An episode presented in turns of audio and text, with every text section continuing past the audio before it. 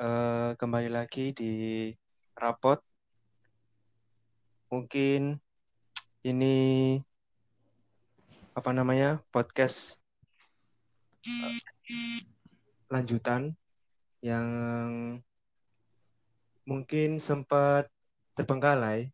Jadi apa namanya baru bisa mulai pada hari ini. Assalamualaikum. Waalaikumsalam. Oke. Basa basi. Ah, anjing lu. Oke, kali ini tidak apa kita kedatangan tamu yaitu dari Raffi Pratama Putra. Boleh dikenalin dong? Uh, halo semuanya. Hai teman-teman. Oh, oh ada pembahasannya. Oh, perkenalannya. Gak asik. Ya, hai teman-teman aku, eh gue Raffi, gue juga punya podcast di Spotify yang namanya Raffi Podcast. Bisa kalian denger di Spotify juga, Apple Podcast, Google Podcast, terserah di platform mana pun. Uh, ya, udah itu aja kok. Temennya okay. Asif, temennya Asif Wolia juga udah pernah rekaman okay. sebelumnya di Jadi, episode Bucin gitu. Oke. Okay. Uh, eh, oke. Okay. Berhubung si Raffi membahas podcast-podcast yang kemarin tentang apa namanya perbucinan. Nah, itu alhamdulillah sudah mencapai 80 lebih pendengar. Wow. Kamu udah udah Mbok iku ya? Udah Mbok uh, monetize. Nah, iku. Monetization. Oh, tak monetize ngono ya? Mm -mm, monetize kasih sponsor, sponsor uh, kata-katamu gimana orang-orang biar bikin podcast juga lihat anchor gitu. Di oh, YouTube banyak gitu. lihat aja. Oke. Okay, biar dapat biar dapat itulah achievement gitu. Oke. Okay. biar dapat hasil jeripaya kita selama ini, oke? Okay? Betul. Oke. Okay. Nah, gini, Bud. Uh, kali ini gimana? kita eh, ngobrol-ngobrol uh, santai gitu ya, biar nggak terlalu apa namanya merasa tertekan gitu kan jangan ya jangan kita kan ngomong ngomong secara asik gitu loh hmm. gimana kabarnya selama pandemi virus corona eh, alhamdulillah bertambah baik atau semakin buruk alhamdulillah berat badan naik oh, oh siap negatif Hah? Kenapa, huh? negatif? Kenapa negatif dong yang dia di sini dong? ya masa positif re ya cek sampai lah. oh, mana ya? Aman ya di sana ya? Semoga semoga. Nggak tahu. Realnya nggak tahu kan ya? Ya semoga oh. lah ya intinya sih nggak tahu ada yang lewat gitu aja ya mm -mm, betul. waduh waduh waduh. Uh, gini buat aku kan apa ya kayak uh, ngerasa akhir-akhir ini sering menyendiri entah entah kenapa yang hmm. membuat aku tuh kayak nggak kayak nggak kayak biasanya gitu loh yang biasanya sering uh, oke okay, aku sering bercanda dengan siapa siapa oke okay. tapi kali ini kayak akhir-akhir ini kan mungkin emang kesibukan kuliah yang di semester tua mau uh, semester hmm. akhir gitu kan hmm. Hmm.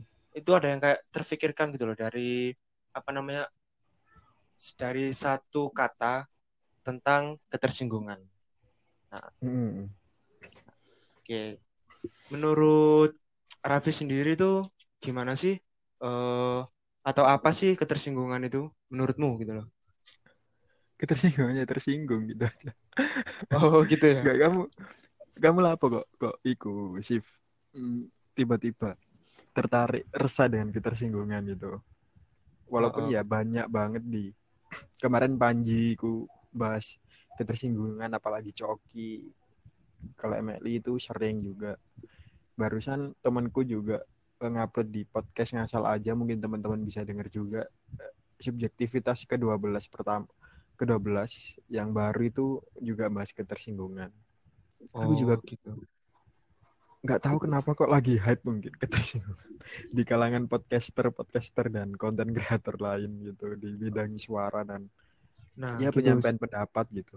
Mm-hmm. Sebenarnya sih gini, apa namanya ya berhubung aku sendiri apa namanya baru bisa membuat podcast ini pada hari ini sebenarnya Hmm. sih kemarin sebenarnya sih kemarin-kemarin cuma aku belum belum siapa aja belum dapat apa namanya pencerahan-pencerahan terus kayak isu-isu apa yang enaknya kita angkat di ketersinggungan gitu. Mm-mm, betul.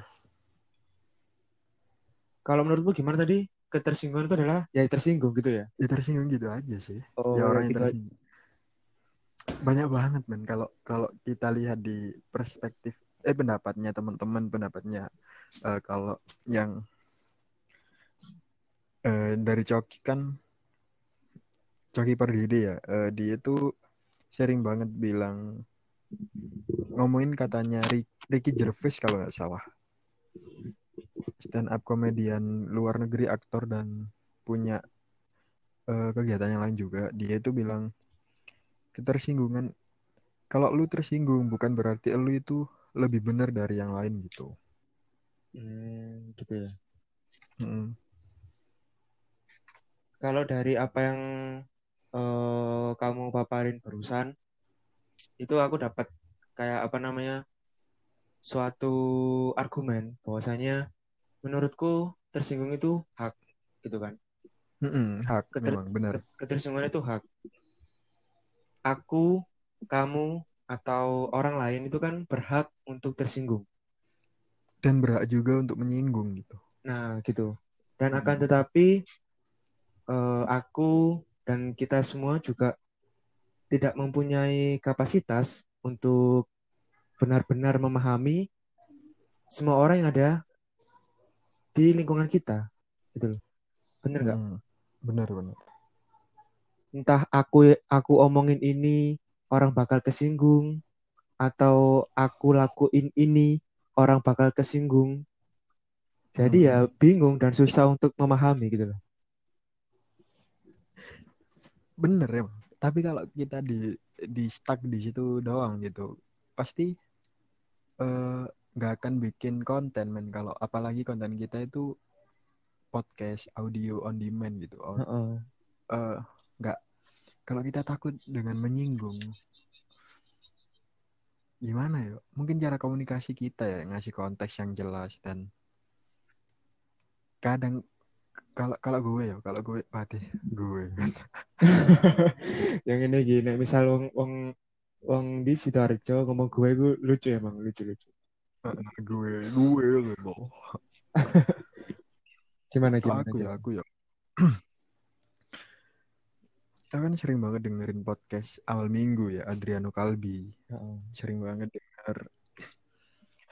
Eh aku pernah dengar juga dia ngomong dia itu believe in balance gitu. Dia percaya kalau keseimbangan itu harus ada gitu. Lah langsung di pikiranku kalau tentang bahas ketersinggungan kita tuh nggak fair kalau ngomong orang lain jangan tersinggung sedangkan niat kita itu emang menyinggung juga gitu. Gitu ya. Mm, itu itu nggak fair menurut gue gitu. Nggak nggak nggak fair menurutku dan apalagi kalau statement kita pas menyinggung dan eh, ngomong ketersinggungan itu terserah kamu gini gini. Itu oke nggak apa-apa. Dan tapi itu oh, gimana ya nilainya nggak fair menurutku. Mungkin aku tersinggung dengan orang yang kayak gitu ya. Iya Nggak- iya. nggak nggak fair nggak fair aja gitu. Aku pun juga tersinggung dengan contoh ya kayak gitu gue gue tersinggung kan. Aku tersinggung dan eh yang yang paling tepat. Nggak tahu tepat atau enggak tapi yang paling yang paling benar yang menurut tak percayai gitu. Nggak Oke, apa-apa oke. ketersinggungan tuh nggak apa-apa. Dan orang lain berat tersinggung dan orang pun menyinggung ya ya ya udah gitu. Cuman yang menjadi masalahku ketika respon ketika tersinggung respon ketika tersinggung kan bisa jadi kayak eh mengancam Ya mengancam. main Kayak sekarang-sekarang ini gitu ya. Hmm, mengancam terus main fisik dan banyak banget yang udah masuk ke ranah nyawa gitu loh Berarti ancaman mereka langsung ke titik poin langsung eh aku pengen bunuh kamu gitu ya mungkin ya Mm-mm, mm-mm. Secara Jadi tidak langsung kemarahannya itu sampai ke titik itu. Sampai ke titik tertinggi gitu ya puncak tertinggi Mm. kemarahan gitu Eh, Mm. jadi gini eh, dari apa yang kamu paparkan barusan at least eh, bukan tersinggungnya tapi Mm-mm. cara-caranya cara kita merespon cara kita berpikir kita Mm-mm. mesti evolve gitu Eh, apa namanya berubah. Oh. berubah berubah untuk bersama-sama gitu loh bener nggak kadang kadang gini kenapa aku, Hmm, aku iya. kenapa aku ambil topik yang menurutku ini eh, benar-benar yang terjadi di kehidupanku selama ini gitu loh Mm. misal gini oke lah kita berteman dengan siapa saja itu kan boleh ya kan Mm. secara tidak langsung eh, misal kita eh, misal aku ber apa namanya berteman dengan si si A gitu kan Mm. aku, aku sering ngobrol sering kontak sering telepon misalnya seperti itu Mm. tapi lama kelamaan entah apa namanya kok kayak ngerasa berbeda gitu loh Mm. kenapa dia di apa di DP yang awalnya ada fotonya sendiri sekarang entah nggak ada fotonya Mm. gitu terus apa namanya kayak eh, update story-nya tuh nggak dimunculin gitu terus Mm. sama apa namanya kok nggak ada notice pemberitahuan online gitu kan dari sini Hmm. kayak aku pikir eh kenapa kenapa ketika orang untuk memulai mencari teman ataupun sahabat misalnya seperti itu tiba-tiba entah itu menurutku ketersinggungan yang kamu ambil dari entah perkataanku selama eh, ngobrol dengan kamu misalnya seperti itu Mm. aneh gitu loh tiba-tiba langsung oh ya wes is gitu aja cukup segitu kan aneh gitu loh sampai bingung kok iso ngono loh ketersinggungan apa yang di benak eh, manusia-manusia gitu loh Ya, ya lu ngomong apa lo bro? ya, lu ngomong apa men? Kok sampai dia kayak tersinggung gitu? Se- sebenarnya sih gak ngomong apa-apa ya cuma ya sekedar oke lah ngobrol-ngobrol kayak pada umumnya kayak kamu kenal sama siapa gitu kan Mm. sama umi-umi misalnya gitu kan Oh, ini sama cewek gitu ya, sama cewek gitu ya. cewek gitu kan Lingkaran Anda itu tetap memang sama cewek aja. Dah, jangan memperjelas.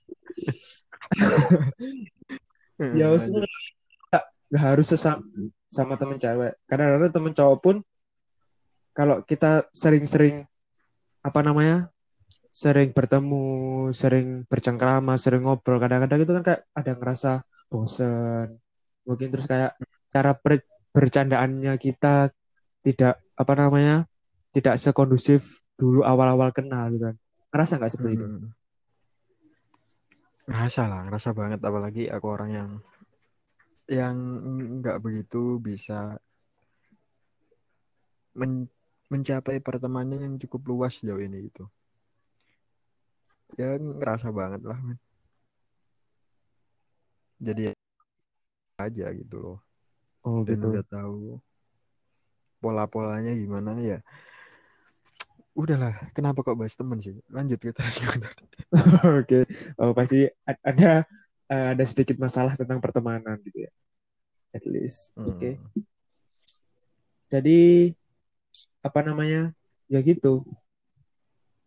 Kenapa kenapa ketika orang tersinggung itu juga jadi beban di pikiran kita?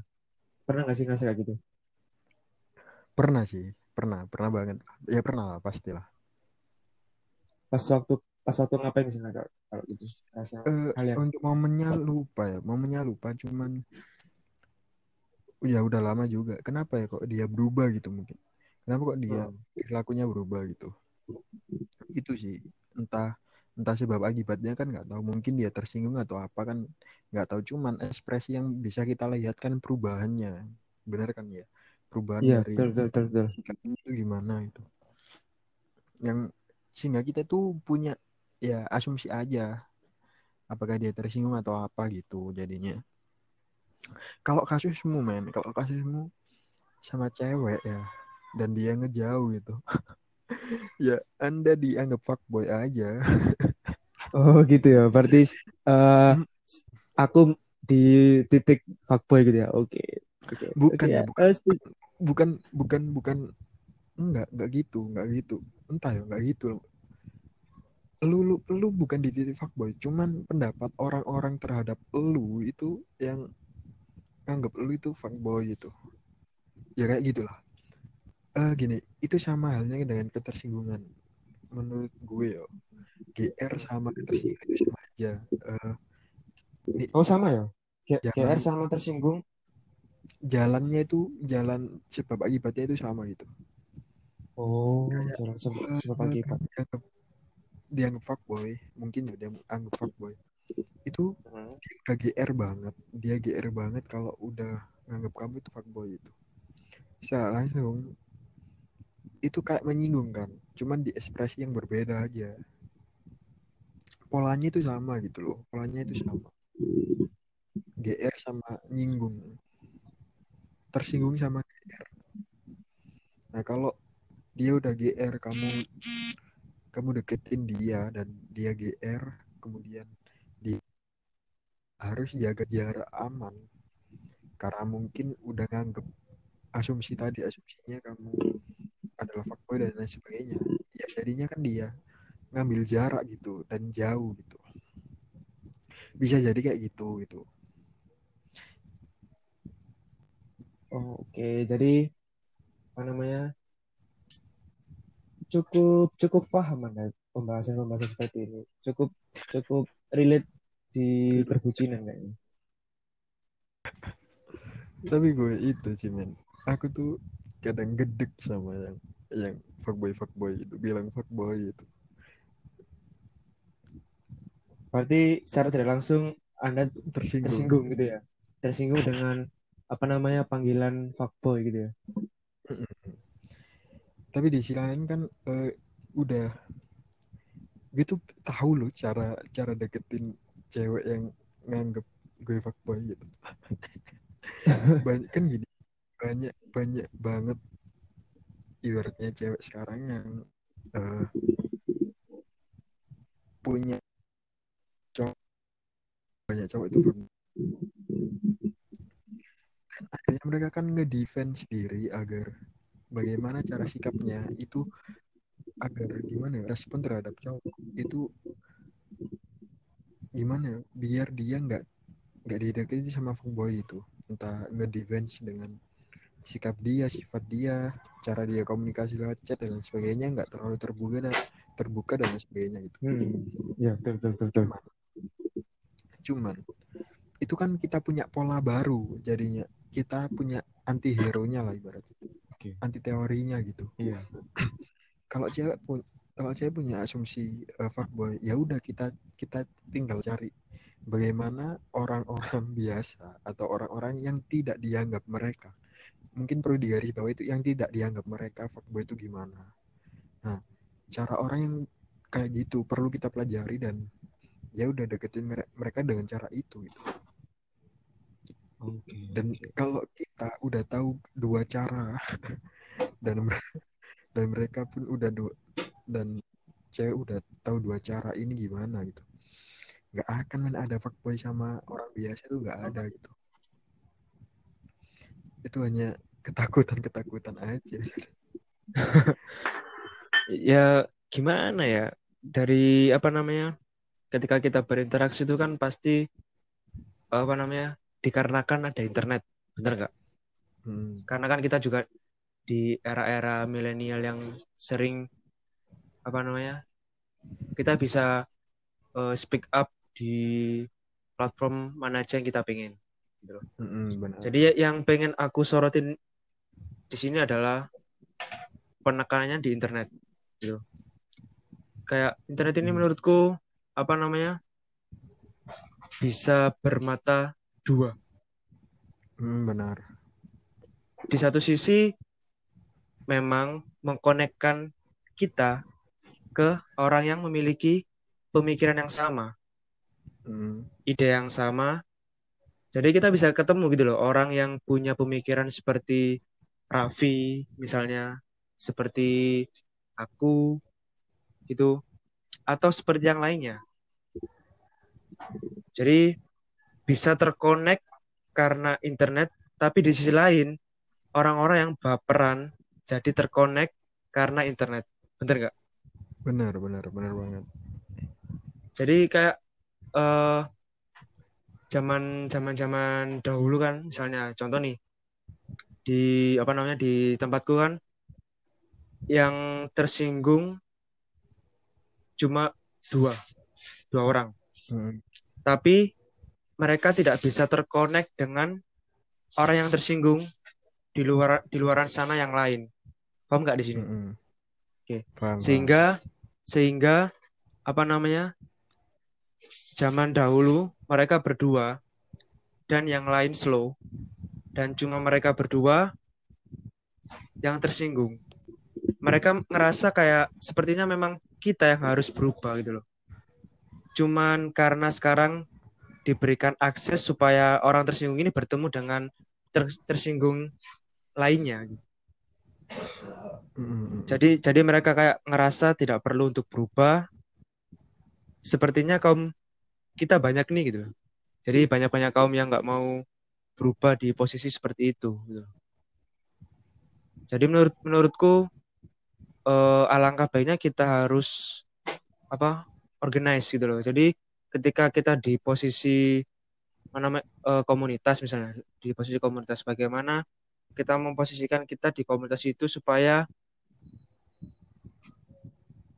uh, berkaca dengan lingkungan sekitar di circle itu gitu loh menurut menurutmu gimana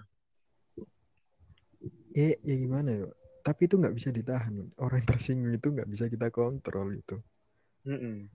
betul betul betul Emang uh, emang emang nggak bisa dikontrol. Yang bisa kita kontrol emang akses gitu. Cuman kan dengan kemajuan jalan kan akses itu nggak bisa gitu. kemajuan zaman sorry kemajuan zaman kan uh, gini loh. Kenapa kok dulu berita berita itu zaman dulu sulit banget tersebar. Hmm. Ya, karena nggak ada akses internet gitu. Ya. Yeah. Dan ketika hmm, misal di di di Surabaya ada bom gitu ada bom yang dulu ah jangan bom deh ada apa ya ada belum apa apa udah ada kan ya ada corona ada ada corona itu ada corona oke okay, oke okay. kalau kalau nggak ada internet sekarang gitu mungkin orang sidoarjo akan uh, satu bulan lebih lama atau beberapa minggu lebih lama untuk tahu kabar itu gitu. Oke. Okay. Sama kayak uh, ada ada ke, apa ya? Kayak aduh bingung men. Misal di Surabaya ada apa apa tadi? Bom. Ramai jangan jangan apa corona hmm. uh, mungkin ada ada pencurian ada sengketa lah ibaratnya ada sengketa oke okay. iya ya kalau ada inter nggak internet mungkin nggak sampai sekarang nggak sampai sejauh Indonesia mungkin gitu. Dan orang yang ber, ber berseteru itu bisa ngedelay informasinya. Okay. atau bisa ngenahan informasinya. Nggak nggak nggak apa luas. Dan ya karena keadaan secara langsung itu ada proses tabayunnya gitu loh. Ada proses hmm, mencari hmm, hmm. kejelasan.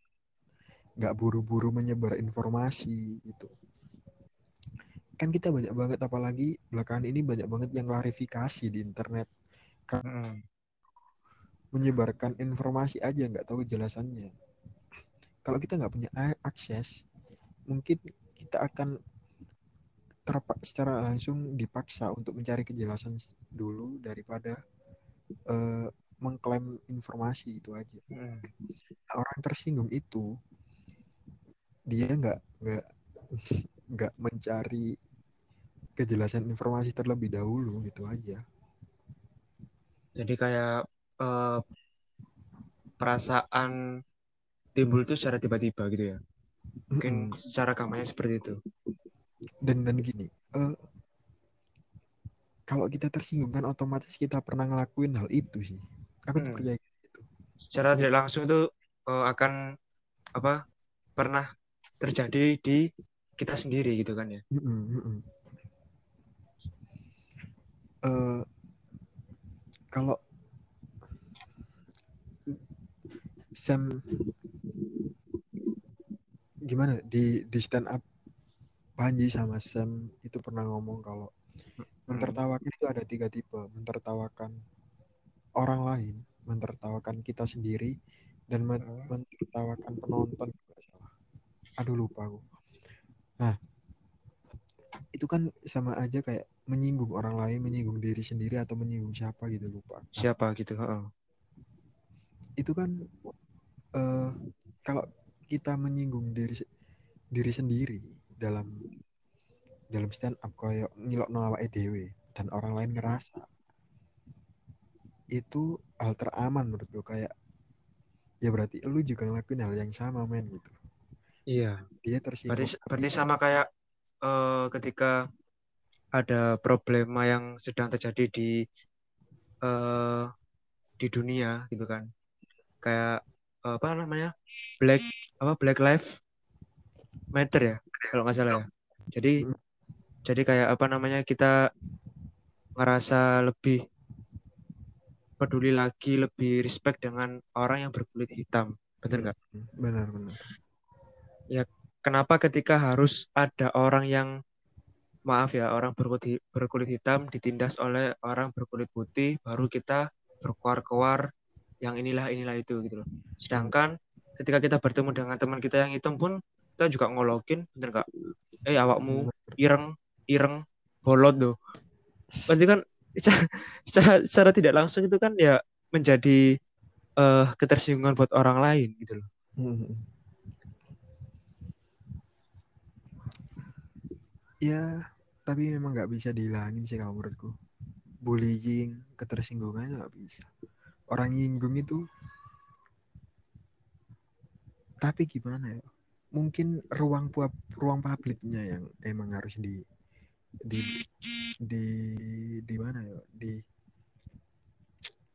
ya dikualifikasikan lagi gitu kalau di hmm. internet kita nyinggung entah entah internet itu emang ruang publik atau enggak tapi kalau kita nyinggung di internet itu emang ya emang emang bisa jadi bumerang gitu.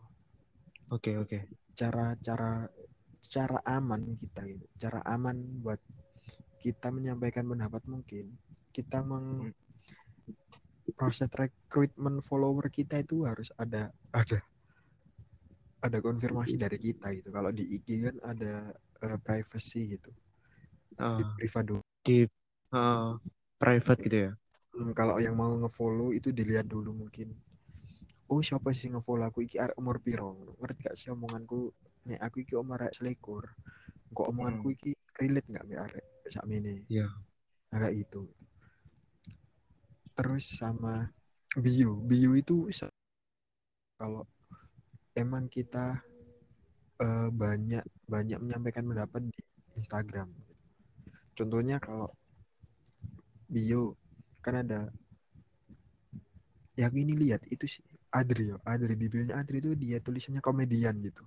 Jadi apa pun hmm. yang disampaikan di di di platform IG kalau ada orang yang tersinggung ya yang tersinggung itu yang yang salah berarti ya karena ya emang dia komedian kok gitu. Kok kamu tersinggung gitu? Cuma konteksnya jadi humor gitu ya kalau emang ya susah ya ya susah benar susah jadi gini loh ketika kita juga di tongkrongan gitu kan di, hmm. di tongkrongan kita kita mencoba untuk ngop misal dari awal kita oke okay lah ngobrolin secara serius mungkin bisa pekerjaan atau pendidikan atau apalah itu tentang ekonomi misalnya seperti itu hmm. di sela-sela gitu kan kita juga mencari suasana yang cair gitu loh supaya kita hmm. nggak hmm. terlalu monoton pembahasan yang terlalu rumit yang sampai kita berpikir secara jeru banget gitu loh nek bahasa Hmm. Jawa. Kan kadang kita juga harus ada misalnya kayak olo-oloan gitu kan. Dan langsung ku ya wis itu jadi culture gitu loh. Jadi culture di Ya, benar. di kehidupan kita gitu, bener nggak? Benar, benar. Kalau di tongkrongan kan emang beda tapi itunya apa? Heeh. Nilainya gitu. Heeh, value-nya berbeda. Hmm, value-nya berbeda benar. Kalau di tongkrongan kan mungkin kita bisa eh, nganggap bahwa itu emang temen gitu. Heeh. Temen dan dan nggak apa-apa lah kalau emang tem- entah ya aku boleh atau nggak ngomong kayak gini. Tapi nggak apa-apa lah kalau ada temen Ya gitu gak apa-apa, santai-santai. Oke. buat 80 pendengarmu. Wes, ojo ngono sungkan. Jadi kadang-kadang apa namanya? Eh apa yang pernah nggak kita yang diomongin oleh Jogi Pardede itu bahwasanya ketersinggungan itu bukan bukan diberikan, tapi kita yang memilih untuk, untuk tersinggung. Mm-mm, mm-mm, Offense is taken, not given. mm-mm, benar. Tapi gini men, tapi kan emang kalau lihat Coki lo ya, kalau lihat Coki gitu. Ini kan freedom of speech kan ya. Boleh aku juga nggak Iya. nggak nggak ada setujunya kan nggak apa-apa. Oke. Tapi dia kan emang niatnya nyinggung. Ada banyak hal yang niatnya nyinggung gitu.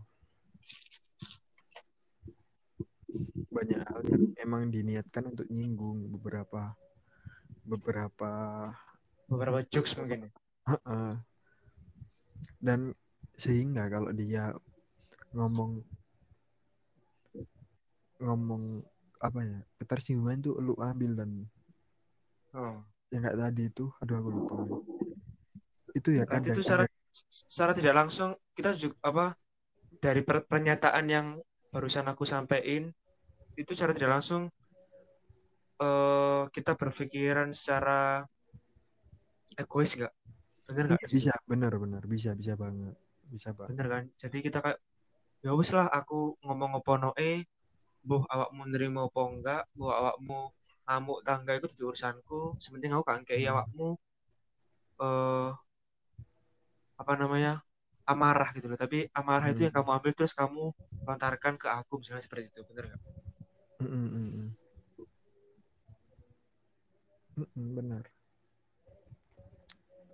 tapi dia, gimana ya dan seolah-olah kalau kalau nyampaikan kayak itu tadi jadi jatuhnya Hmm, bisa jadi contohnya. jatuhnya itu kayak pembelaan diri aja gitu nggak mau disalahin juga jadinya Oh, lah ya berarti bener aku kan. Secara tidak langsung itu Hmm. kita jadi merasa manusia yang egois gitu, bener nggak? Mm, mm, mm, mm. Mm, mm. nggak mau disalahin juga gitu Mm-mm. mungkin kenapa kok ada respon kayak gitu karena karena kalau dicoki udah udah di masuk di ancaman soalnya itu juga bahaya gitu orang-orang Oh, itu itu masuk sudah ya? Mm-mm. Gi- gini loh eh, kenapa kok nggak tahu ya ini eh, akuratnya gimana? Cuman yang pernah tak denger. Kenapa kok ada demokrasi itu gantiin kerajaan lah ibaratnya? Iya. gantiin yang sistem yang dulu atau alternatif sistem apa pun gitu. Mm-mm. kalau dulu aku pernah dengar kayak gini kalau nggak salah. Dulu itu untuk untuk mencari siapa yang paling hebat. Itu dengan adu kekuatan. Adu fisik adu kekuatan gitu. Kalau kalau di demokrasi itu adu argumen. Demokrasi ada karena lebih baik kita loro hati daripada kehilangan nyawa. Jadi ya kini lebih ae. Oh, lebih Gini, kepada landingnya ya, bukan eh, apa namanya? kalau kita Delay, setuju bukan? kalau kita setuju demo demokrasi ya Hmm. resikonya resikonya ada hoax resikonya itu ada ada si ada yang tersinggung ada yang ngomong bebas freedom of speech Mm-mm. terus eh tapi sisi lain nggak nggak nyawa gitu yang terancam lah kalau ada yang mengancam mengancam sampai jatuh ke nyawa itu secara langsung dia juga gak paham tentang kebebasan berpendapat Hmm. eh, demokrasi lah ibaratnya tahu Jadi lah, akurat mungkin ada yang lain tapi kalau yang Oh. pernah tak dengar kayak gitu gitu demokrasi itu menggantikan sistem eh, mencari sesuatu dengan jadi diganti dengan adu argumen gitu. Tapi resikonya ya memang loro hati ngono. tapi ya mending loro hati daripada mati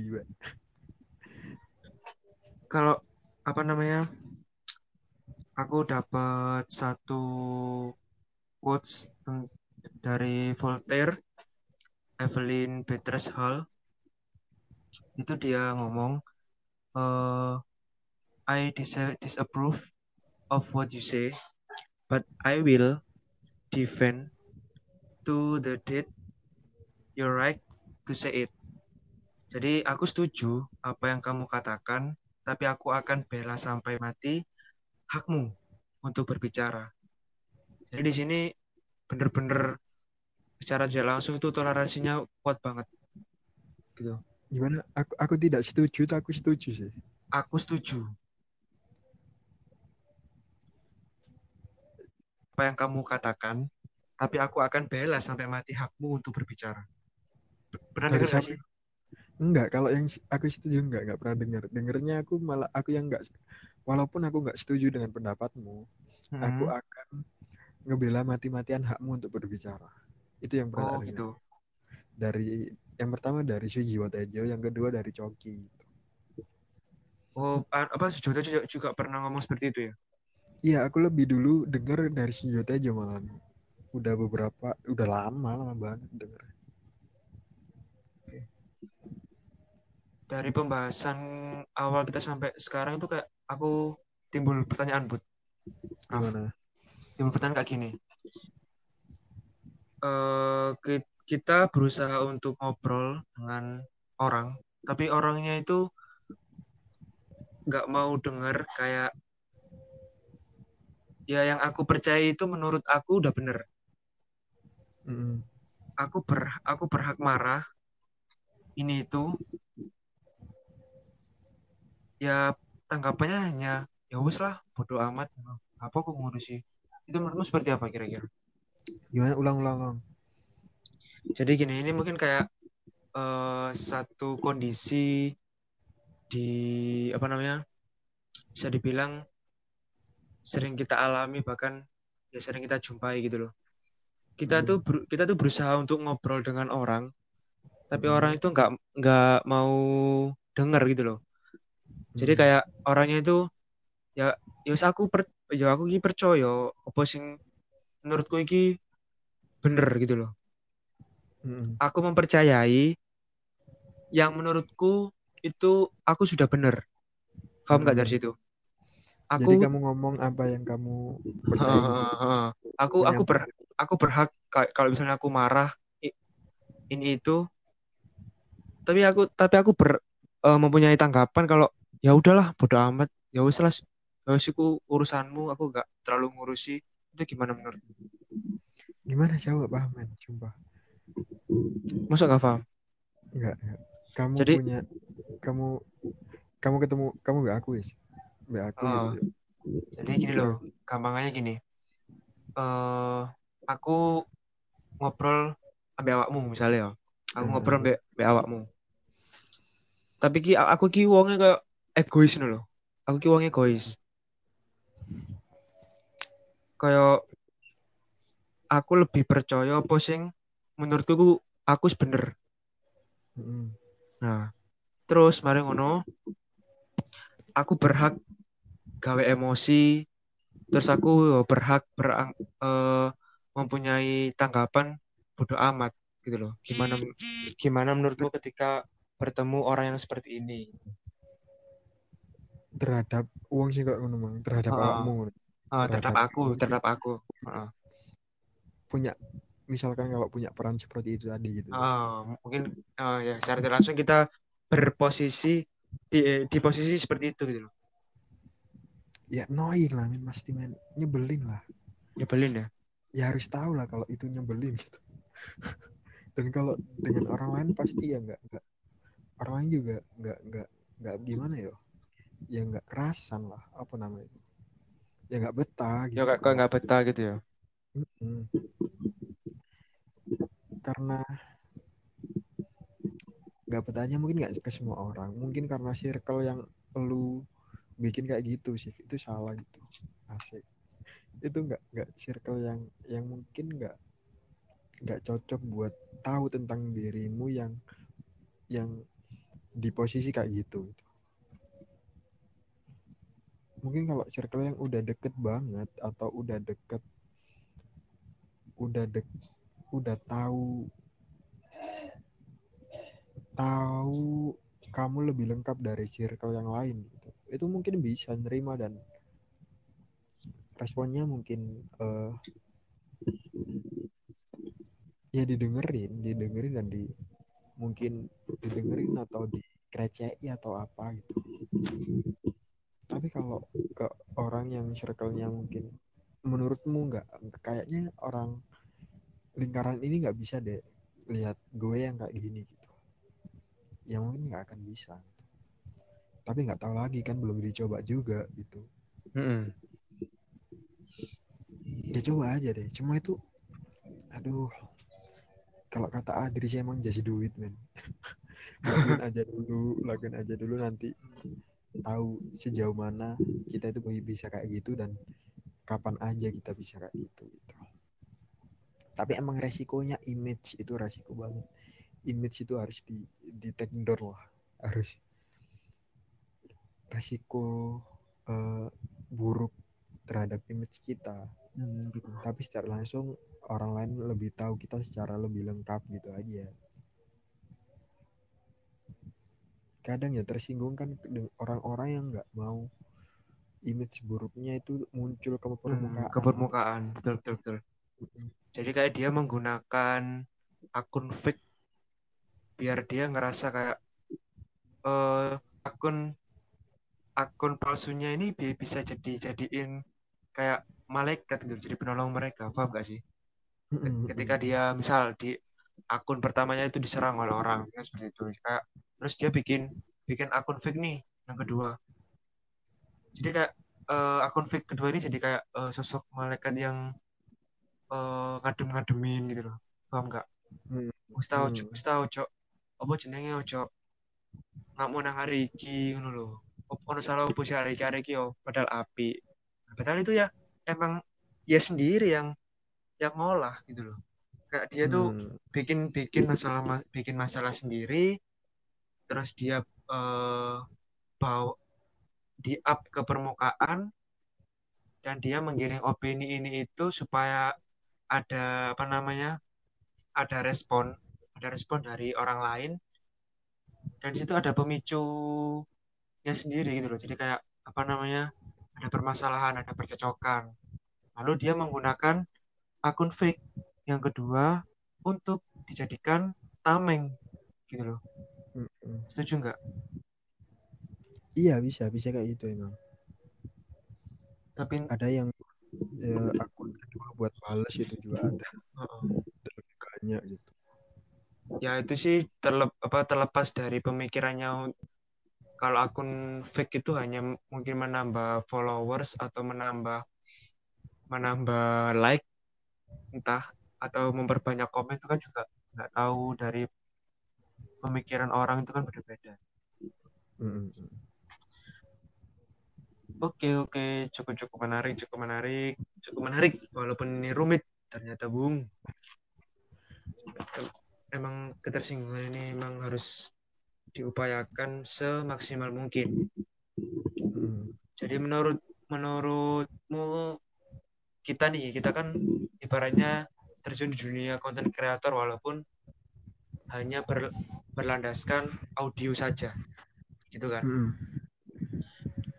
uh, kalau kita hanya berdiam diri dan nggak mau speak up itu gimana menurutmu? Speak up tentang? Speak up ya tentang entah itu kebebasan dalam berargumen entah itu dalam uh, menolong siapa siapa gitu. Uh, gimana ya kadang ya apa ya kadang ya lucu sih dari kayak di apa yang dialami oleh teman kita ya tahulah siapa namanya itu kan ketika dia berargumen kalau dia kepengen meng menggunakan jokes jokesnya dia itu uh, ibaratnya dia tuh kayak apa namanya ya saya tidak langsung tuh membantu orang yang sedang tertindas gitu kan hmm. tapi nyatanya tapi nyatanya kayak dari entah itu istilah buzzer mungkin. Hmm. dia itu kan kayak istilahnya menyerang gitu. Menyerang dengan apa namanya menggunakan argumen-argumen hoax misalnya seperti itu. Hmm. gimana gimana menurut lo? Ya gimana ya kalau kita buat kita harus pick up speak up tentang apa ya? Tentang speak tentang keresahan kita gitu aja nggak apa-apa. Ya, uh, uh, tentang keresahan kita gitu. aku aku aku aku gini sih. Aku nggak apa-apa kita buat konten nggak faedah itu nggak apa-apa. Oke. Okay. tapi aku nggak setuju kalau kritik nggak ada saran itu nggak setuju. Kritik nggak ada solusi nggak setuju. Gini kita nggak apa-apa nggak punya konten yang mendidik nggak mendidik ngerti nggak kalau iya iya kita nggak apa-apa nggak punya konten menurutku yo kita nggak apa-apa kalau nggak punya konten yang nggak edukasi lah gitu. Tapi kalau kita mengkritik tanpa solusi itu nggak, aku nggak setuju itu. Tapi kan gini, banyak orang banget yang kalau kita menyampaikan sesuatu kan harus ada edukasinya gitu. Harus harus apa? Harus menyampaikan gitu ya. Harus ada poin karena, penting uh, yang karena bisa Uh, karena uh, Anda kan sebagai public figure gitu kan. Anda hmm, Anda betul. secara tidak langsung Anda itu sudah jadi public figure yang pasti ditonton oleh seluruh orang gitu loh. Hmm. Entah dari seluruh orang ini pasti kan akan meniru perbuatan Anda. Secara tidak langsung kan hmm. jadi role model gitu loh. Hmm. Ya kan? Jadi role model. Jadi kayak awakmu iki wis ojo apa kayak contoh sing elek ngono tapi kayak gimana yo kadang-kadang uh, public public figure ini memberikan suatu edukasi pun yang gak kamu tonton gitu loh hanya kamu skip doang lalu hanya ber berocehan negatif gitu loh hmm. Tapi aku percaya gini sih semua orang itu punya punya kritik dan solusinya oh, masing-masing. Oh, punya kapabilitas masing-masing. Hmm, di keresahannya di sendiri-sendiri gitu. Hmm. Kalau orang yang uh, sangat memperjuangkan kebebasan berpendapat, dia pasti juga sangat mendengarkan pendapat orang lain walaupun dia tidak setuju gitu. Pasti ada yang kayak gitu gitu. Hmm. Terus nyampe di titik ada orang yang memperjuangkan hal yang berbeda gitu mungkin yang yang kayak uh, aku mungkin akan contoh ya contoh. Aku membela membela dan mati-matian uh, menyuarakan tentang HIV. Tapi kamu menyuarakan tentang Ebola. Apa apakah aku harus uh, nyuruh kamu menyuarakan HIV AIDS ya kan enggak juga itu ya, ya emang juga. itu itu keresahanmu di situ dan kita yang kita perjuangkan itu nilainya sama gitu. Nilai kebaikannya itu sama gitu. Kadang yo emang emang ini nyebelin sih. Banyak banget dari kita tuh kalau uh, kita ke kampus ibaratnya. Kita ke kampus ada tiga jalan. Gitulah aja. Uh, gimana? Kita ke Jogja. Mm-hmm. kamu lewat lewat jalur tol dan aku lewat jalur biasa gitu. Nyampe di Jogja itu sama jamnya. Ibaratkan sama lah. Sama-sama jam tiga gitu uh, tapi uh. tiga. Lah di sana itu kita itu ribut men. Ribut. Kamu kok lewat situ lebih cepat lewat sini lah gitu. Yang enggak lah lebih cepat lewat sini. Padahal kita tuh udah nyampe dan kita memperjuangkan sama-sama ke Jogja gitu. Sama kayak dua dua dua perjuangan tadi AIDS dan Ebola gitu. Kita lu sama-sama memperjuangkan jangan ada orang yang sakit gitu. Hmm. tapi kok kenapa kita mempeributkan? Ya enggak lah Ebola lebih baik AIDS lebih baik kan nggak gitu gitu loh hmm. Itu tuh banyak banget pola-pola yang kayak gitu yang kita ributin bareng-bareng. Dan itu sangat nggak sangat menguras tenaga dan konyol. Nah dari sini aku juga dapat titik temu gitu loh buat jadi apa yang mungkin apa yang uh, kamu sampaikan, apa yang aku utarakan itu juga ya mungkin hanya sekedar opini-opini dan argumen yang mudah-mudahan itu juga uh, mudah-mudahan itu menjadi pengingat buat pendengar-pendengar sekalian gitu loh. Hmm, siap siap.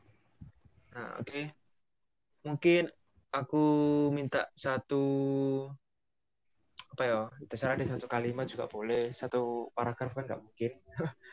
Karena durasi sudah durasi hmm. yang panjang.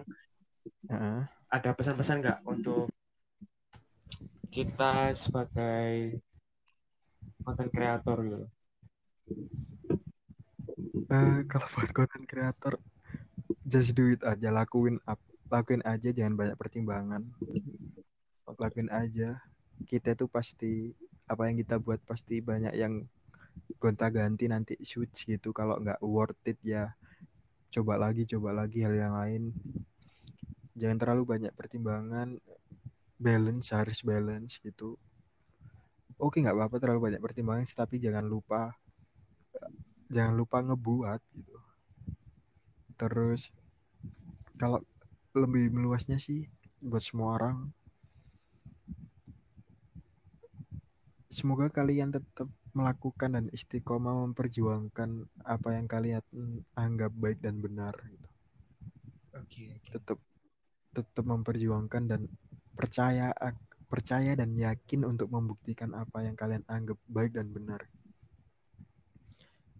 Mau menerima resiko resiko dari perjuangan kalian gitu. Terus jangan sampai nyalain bukan jangan sampai ya pasti kita nyalain sih. Uh, jangan jangan sampai mengekspresikan diri untuk nyakitin orang lain gitu. Walaupun kita tersinggung atau salah ya nggak apa-apa lah men. Uh, namanya ya, juga manusia. Kalau, ada ada salahnya tapi jangan dibuat-buat gitu. Oke. Okay. ya lakuin aja. Salah satu salah satu uh, kita biar biar mau ngebuat eh takut ngebuat kan kita takut di nyek ibaratnya di lokno ah kuncinya di situ. Lakuin aja dan biarin diri lo di judge biarin karyamu itu di ilokno kalau kita punya prasangka buruk kayak gitu ya udah lakuin aja. Dan amin untuk semua doa doa kalian. Oke itu siap. Jadi aku mau menutup uh, apa namanya perjumpaan hmm, kita makasih. kita kali ini jadi kita sebagai anak muda yang punya pemikiran ataupun punya rasa kepedulian yang sangat tinggi terhadap sesama kita yang memilih untuk diam dan tidak melakukan tidak melakukan apa-apa gitu loh tidak melakukan ap, hal apa pun ke followersnya ke hal yang positif itu nanti di akhirat akan dimintai pertanggungjawaban oleh, oleh malaikat. Oh, bener nggak? berat, berat. Bener nggak? Jadi hmm. buat anak-anak muda yang memilih untuk diam dan tidak melakukan apa-apa ke followersnya, ke hal yang positif, itu nanti di akhirat akan dimintai bertanggung jawaban oleh malaikat. Menakutkan sekali followerku banyak dong. Jadi jangan takut untuk memulai apa pun ya, Raf. Mm -mm, benar. Lakuin apa yang sebisa mungkin, semaksimal mungkin. Ya mudah-mudahan itu tentunya bermanfaat buat kita semua dan bagi sesama. Optimalkan kemampuanmu lah. Oke, siap. Jangan uh, mau mengambil kesempatan atau tidak pernah mencoba. Jangan terlalu membatasi diri ya. Betul, betul, betul. Oke. Oke, terima kasih Raffi. Terima kasih Asif, terima kasih. Mudah-mudahan sehat selalu dan amin. Kalian juga sekeluarga ya. Oke, sekeluarga biar nggak dijauhkan dari mara bahaya penyakit dan segala apa pun.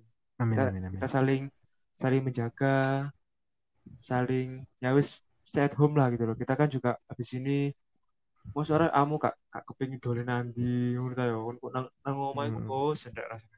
Makanya wis mengupayakan semaksimal mungkin di rumah. Mudah-mudahan corona ini berakhir, gitu kan? Kita juga Amin. Kita juga pengen gitu loh eh, kumpul sama yang lain, ngobrol-ngobrol sama tapi kita juga menahan gitu loh supaya hmm. uh, corona ini cepat meredam. Oke, terima kasih Raffi. Oke, terima kasih Asif. Kalau, kalau aku ada kata-kata yang salah, mau dimaafkan karena ini juga nah, aku masih teman aku masih belajar gitu kan. Oke. Sama sih sama saja sih. Buat teman-teman juga mohon maaf dan terima kasih. Oke, terima kasih Bud. Siap.